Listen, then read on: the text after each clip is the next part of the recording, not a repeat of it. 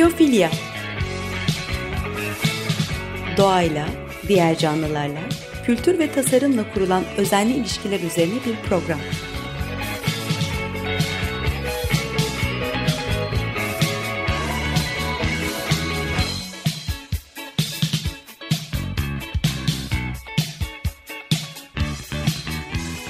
Hazırlayan ve sunan Nurhan Healer.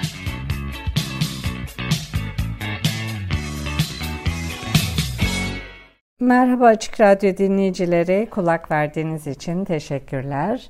Ee, bugünlerde uzaya giden Türk astronot gündemimizde. Astronot ve metaforlarıyla başlayalım programımıza. Eugene Odum'a göre her insan dünyanın sürdürülebilirliği için kendini astronot yerine koymalı. Bir uzay aracı ekonomisi oluşturması gerekiyor bir uzay aracıyla doğal ekosistem arasında hiçbir fark yok aslında. Ekosistem içindeki organizmalar uzay aracındaki astronotlara benziyor. Kapalı bir ünitede yaşamak için minimum miktarda enerji alışverişi yapıyorlar. Eğer insanoğlu biyolojik çeşitliliği tehdit etmeye devam ederse ekosistemler negatif geri besleme sistemlerini kaybediyor ve termostat gibi çalışmayı bırakıyorlar. Ekosistemlerin yok olması dünyanın yıkımı anlamına geliyor. Eugene Odum, e, ekosistem, ekoloji üzerine öncü çalışmalarıyla tanınan Georgia Üniversitesi'nde Amerikalı bir biyologtu. O ve kardeşi Howard Odum, e, popüler ekoloji ders kitabı Fundamentals of Ecology'yi 1953 yılında yazdılar. Adım, Georgia Üniversitesi'nin Savannah Nehri Ekoloji Laboratuvarı'nın Sapelo Adası'ndaki Georgia Üniversitesi Denizcilik Enstitüsü'nün ve daha sonra onun onuruna yeniden adlandırılan Ekoloji Enstitüsü'nün kuruluşunda etkili oldu. Astronotlar ve robotlara dair bir kitapla karşılaştım. The End of Astronauts, Why Robots Are the Future of Exploration. Türkçesi astronotların sonu, neden keşiflerin geleceği robotlardır. Uh, astronotlar kahramanlardır diye başlıyor bu kitap. Astronotların Sonu kitabının yazarları Donald Goldsmith ve Martin Rees, yazarlar 1969-1972 yılları arasında Apollo'nun Ay'a inişini hatırlayacak yaştalar. Neil Armstrong ve Buzz Aldrin Ay ile bütünleşmiş iki isim, ilkel bilgisayarlara ve test edilmemiş ekipmanlara bağımlılıkları vardı. Böyle bakınca başarıları daha da kahramanca görünüyor tabi. Bize insanların 60 yıldan fazla bir süredir uzaya seyahat ettiğini hatırlatıyorlar. Astronotlar yer çekimsiz bir ortamda mide bulantısı, yönelim bozukluğu ve ağırlıksızlığın potansiyel uzun vadeli tıbbi sonuçlarıyla uğraşmak zorundalar. Yine de teknik, mühendislik ve bilimsel başarılar sergiliyor astronotlar. Güneşten ve derin evrenden gelen yüksek enerjili parçacıkların saldırılarından dolayı kanser ve diğer fiziksel hasar riskini taşıyorlar.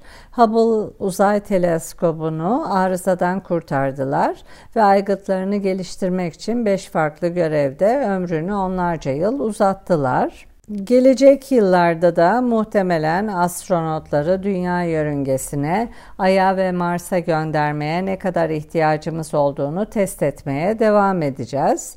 Bir de robotlar var tabi. Robotlar insan yolculuğundan önce bu bölgeleri keşfediyor. Fırlatma ve iniş sistemlerini test ettikten sonra uzak arazileri araştırıyorlar. Sürekli gelişen makinelerin uzayda insanlardan daha verimli, daha ucuz ve daha güvenli performans gösterebileceğinden kimsenin şüphesi yok. Peki bunlar insan kaşiflerin yeteneklerine eşit olabilecek mi? Bu ve benzer soruların hiçbirinin kesin bir cevabı yok. Hele de mantığa olduğu kadar duyguya da yanıt vererek hareket ettiğimiz için. E, bu kitap insan ve robot araştırmalarına yönelik e, mevcut ve gelecekteki planları açıklıyor. Önümüzdeki 10 yıllar boyunca dünyaya yakın yörüngelerin ötesinde yalnızca otomatik robotların ve imalatçıların kullanılması yönündeki argümanı sunuyor. Ayı ve Mars'ı faaliyetlerimizin neden olduğu kirlilikten mümkün olduğunca koruma endişesini de taşıyor. Kitap aynı zamanda insanların uzaydaki varlığını destekleyen motivasyonları veya bunun karşı argümanlarını da inceliyor. Uzaya roketlenmek diye bir bölüm var kitapta. İnsanları uzaya göndermek için planlar yapmadan önce de hem savaş hem de eğlence için geniş alanlara mermiler fırlatıyorduk. Avrupa Orta Çağ ile eş zamanlı olarak Çin Song Hanedanı'nın teknoloji uzmanları atmosferin yükseklerine 9 ejderha okları ve bir arı ok sürüsü gönderen barut roketleri inşa ettiler. Barut teknolojisi daha sonra modern çağa kadar roket standardı haline geldi. Bir asır önce çocukluğunda Wells'in bilim kurgusundan ilham alan ve Rusya'da Konstantin Sayalskovski tarafından geliştirilen roket dinamiği öğrencisi olan egzantrik mühendis ve mucit Robert Goddard birkaç düzine sıvı roket serisini yaratmak ve geliştirmek için 20 yıl harcadı. Yakıtlı roketler vardı ve bunlardan bazıları Massachusetts'in merkezindeki tepelerin bir milden fazla yükseğine çıkıyordu. Goddard ayrıca başarılı çok aşamalı roketleri tanıttı ve iki eksenli yönlendirme sistemlerini icat etti. Ee, NASA Maryland'deki uzay uçuş merkezine onun adını verdi. Goddard son yıllarında roket bilimini deneysel aşamalardan pratik kullanımlı roket üretimine dönüştürmeye yönelik çalışmalarına ağırlık verdi. Bunlar hükümet destekli çalışmalardı. Hükümetin başında Adolf Hitler vardı. Pratik kullanım her türlü savunma kabiliyetinin ötesinde bomba fırlatabilecek roketleri gerektiriyordu. Bilimsel çalışmalarda Werner von Braun liderliğinde Naziler mürettebatsız bir jet uçağı olan V1'i ve sıvı etanol yakıtını ateşlemek için gereken oksijeni taşıyan gerçek bir roket olan ünlü V2'yi geliştirdi. V2 atmosferin büyük bir kısmının üzerine çıkıp ses hızının birçok katı hızda seyahat edebiliyordu. İkinci Dünya Savaşı'ndan sonra en önde gelen Nazi roketçileri özellikle Amerikalıların kendilerinin savaş zamanındaki faaliyetlerini göz ardı edecekleri kadar yararlı bulacağını umarak müttefiklere teslim oldular. Sorgu sırasında von Braun ilham kaynağı olarak yalnızca Nazilerin kendi roketçisi Hermann Obert'i değil, aynı zamanda Robert e, Goddard'ı da gösterdi ve şunu söyledi. Kendi roket öncünüzü bilmiyor musunuz? Doktor Goddard hepimizden ilerideydi dedi. Yaklaşık 1600 Nazi bilim adamı ve mühendisinin Amerika'ya yerleştirilmesini sağlayan Paperclip ataç operasyonu ile Amerika'ya getirilen von Braun, geri kalan V2 roketlerinin bilimsel amaçlarla fırlatılmasına yardım etti ee, ve 1950'de Amerika ordusundaki bir roket ekibinin lideri oldu. Alabama'daki Redstone Arsenal, askeri kullanım için sıvı yakıtlı motorlara sahip yeni roketler geliştirdi. Ekim 1957'de ise Sovyetler Birliği dünyanın ilk yapay uydusu Sputnik'i fırlatarak tüm dünyayı şaşkına çevirdi. Hatta kayıtsız Amerika'yı dahi şaşkına çevirdi. Amerikalılar bir anda baş düşmanlarının sadece uyduları yörüngeye göndermekle kalmayıp aynı zamanda bir kıtadan diğerine nükleer silah taşıyabilen roketler üretme konusunda üstünlük kazandığını fark ettiler. Kamuoyuna ve muhtemelen Washington'daki liderlere göre Amerika Birleşik Devletleri'nin uzay araştırmalarında son derece görünür başarılara ihtiyacı vardı. Görevi eski bir Nazi tarafından yönetilen bir askeri roket geliştirme ekibine devretmenin kötü tanıtıma yol açabileceğinin farkında olan hükümet, askeri kuzenlerinden daha mütevazi boyut ve itme gücüne sahip askeri olmayan Vanguard roketleri üretmesi için ticari bir firmayı görevlendirdi. Ancak ticari firmanın Aralık 1957'deki ilk denemesi fırlatma rampasının patlamasıyla sonuçlandıktan sonra von Braun'un ekibi devreye girdi ve askeri silah olarak tasarladıkları Jupiter C füzesini ilk fırlatma roketinin ilk aşaması olarak kullandılar. Sonraki yıllarda Soğuk Savaş'ın iki büyük gücü Amerika Birleşik Devletleri ve Sovyetler Birliği arasında öncelikli olarak nükleer silahlar için, ikinci olarak da fırlatma araçları olarak daha güçlü roketler tasarlama ve üretme girişimlerine odaklanan muazzam bir silahlanma yarışı yaşandı. Roket teknolojisindeki gelişmeler sayesinde Nisan 1961'de Sovyet kozmonot Yuri Gagarin bu türden ilk yörüngeyi gerçekleştirdi. Ee, bunu Şubat 1962'de dünya yörüngesine giren ilk Amerikalı astronot John Glenn izledi. Kısa süre sonra diğer Sovyet ilkleri geldi. Uzayda yörüngeye çıkan ilk kadın Valentina Tereskova, Haziran 1963'te 70 saatlik uçuşu gerçekleştirdi. Alexey Leonov'un Mart 1965'te yaptığı ilk kahramanca uzay yürüyüşü var. Tüm bu olup bitenler e, başarılarını seçkin Sovyet roket becerilerine borçluydu. Ölene kadar adı kamuoyundan saklanan Sergei Korolev e, ismi var. Yalnızca büyük tasarımcı olarak biliniyordu. Korolev'in daha sonraki roketlerindeki başarısızlıklar Sovyetleri uzayda yavaşlattı ve Amerika'nın Temmuz 1969 ile Aralık 1972 arasında 6 astronot yolculuğuyla ay yarışını kazanmasına olanak sağladı. Eylül 1962'de 1960'daki seçimi kısmen e, ABD ile Sovyetler Birliği arasındaki bir füze açığı olduğunu ilan ederek kazanan Başkan Kennedy, Amerikalı astronotlara kazanmayı planladıkları bir yarışta Ay'a ulaşma çağrısında bulundu. 14 ee, ay sonra bir suikastçının kurşunları hayatına mal oldu.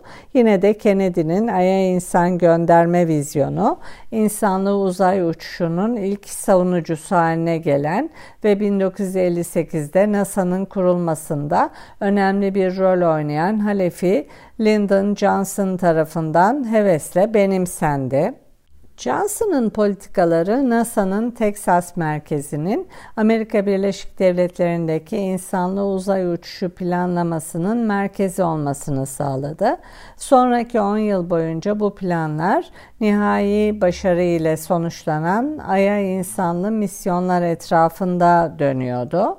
Bugün Houston yakınlarındaki Johnson Uzay Uçuş Merkezi, Amerika'nın insanlı uzaya gitmeyi teşvik etme çabalarındaki merkezi rolünü koruyor. Ancak astronotların ay yüzeyine son dokunuşlarından bu yana 50 yıl geçti. Ayın ötesinde Mars'a 100 kat daha uzun olan yolculuğun fizibilitesi yoktu ve çabaların karşılığını verecek başka hiçbir hedef yoktu. Bunun yerine uzay yarışı daha sakin, daha uygun bir hal aldı.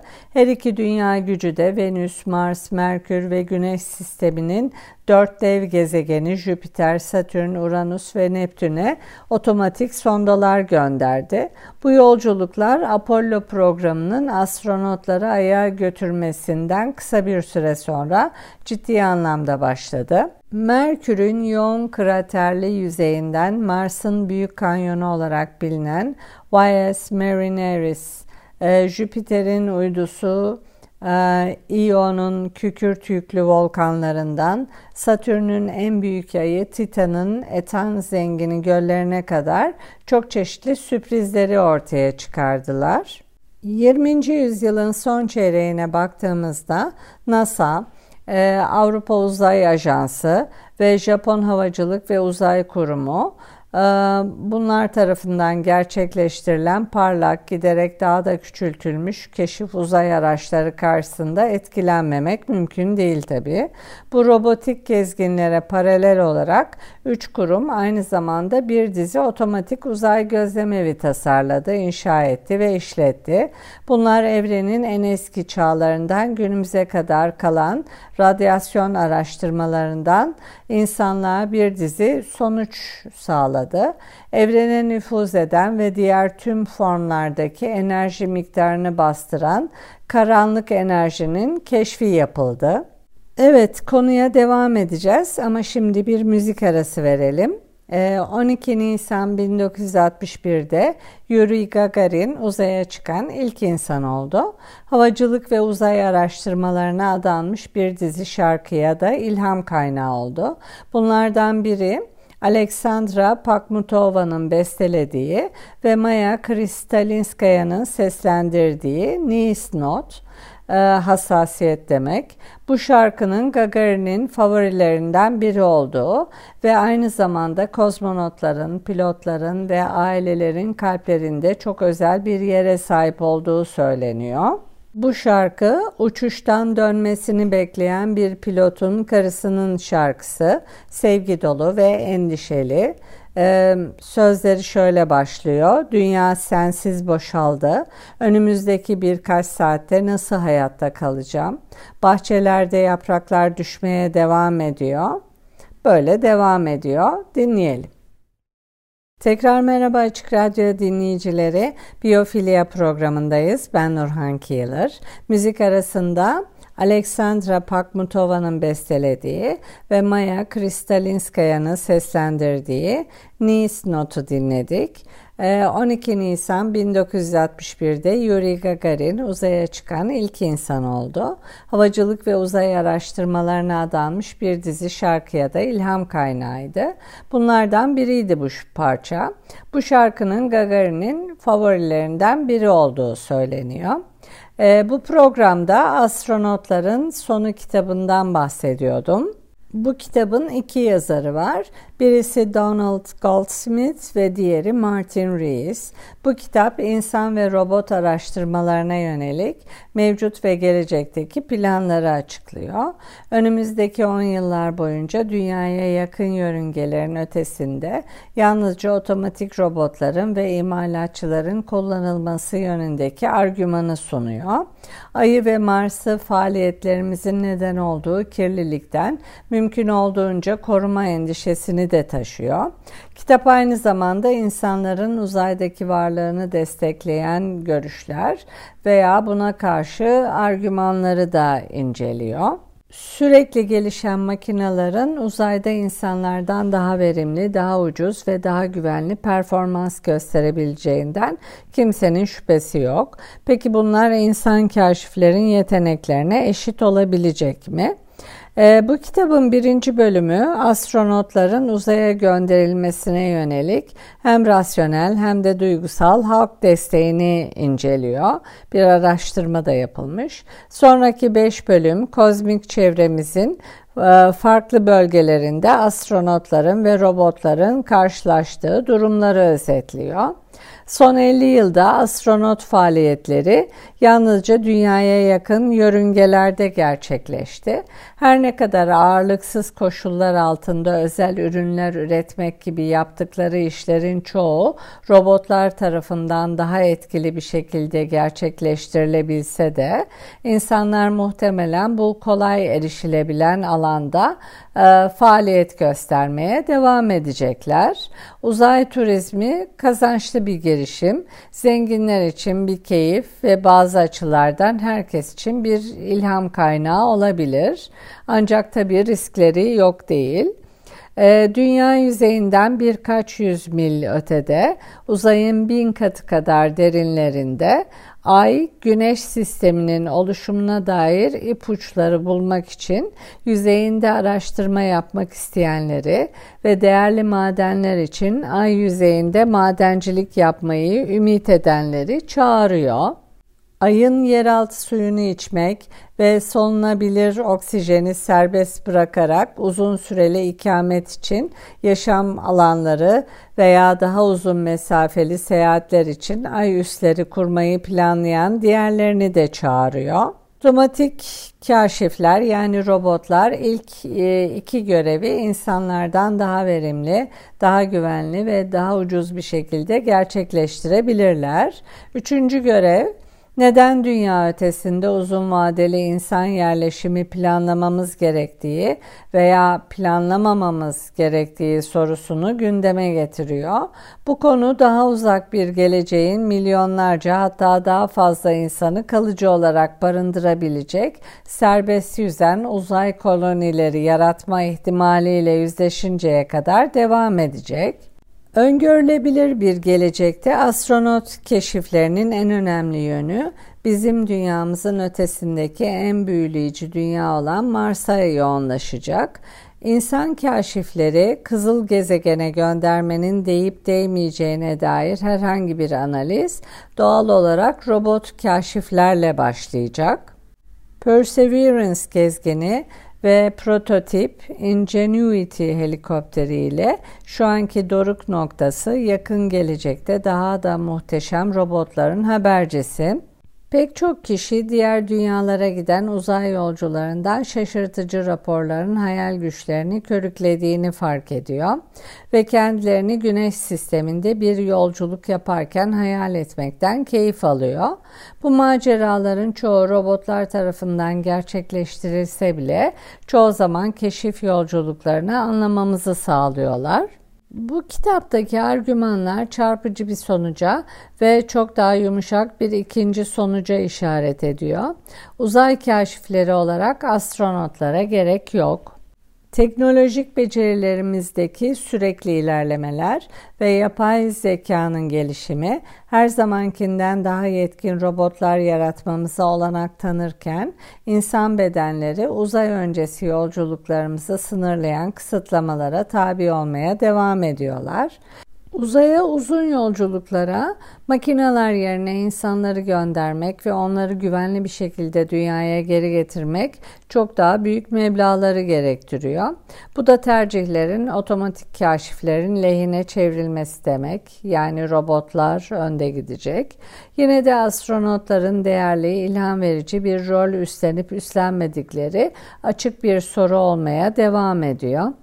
Ay'a inişlerin sona ermesiyle şimdiki zaman arasındaki onlarca yıllık boşluk bazı yararlı bilgiler de sağlıyor. İlhamın yanı sıra astronotlar birçok insana insanın keşfetme arzusunun doğal bir uzantısı olarak görünüyorlar. Duyguların hepimiz için güçlü bir çekiciliği var ama yine de büyük önem taşıyan kararlara varmamızda belirleyici olmaları pek de mümkün değil. Evet programın sonuna geldik. Eugene Odom'un e, görüşüyle kapatalım programı. Odom'a göre her insan dünyanın sürdürülebilirliği için kendini astronot yerine koymalı. Bir uzay aracı ekonomisi oluşturması gerekiyor. Bir uzay aracı ile doğal ekosistem arasında hiçbir fark yok aslında. Ekosistem içindeki organizmalar uzay aracındaki astronotlara benziyorlar. Kapalı bir ünitede yaşamak için minimum miktarda enerji alışverişi alışverişi yapıyorlar. Eğer insanoğlu biyolojik çeşitliliği tehdit etmeye devam ederse ekosistemler negatif geri besleme sistemlerini kaybederler ve termostat gibi çalışmayı bırakırlar. Ekosistemlerin yok olması dünyanın yıkımı anlamına geliyor. Eugene Odom e, ekosistem, ekoloji üzerine öncü çalışmalarıyla tanınan Georgia Üniversitesi'nde Amerikalı bir biyologtu. Evet, programın sonuna geldik. Kulak verdiğiniz için teşekkürler. Açık Radyo Prodüksiyon ekibine edit için teşekkürler. Bir sonraki programda buluşmak üzere. Hoşçakalın.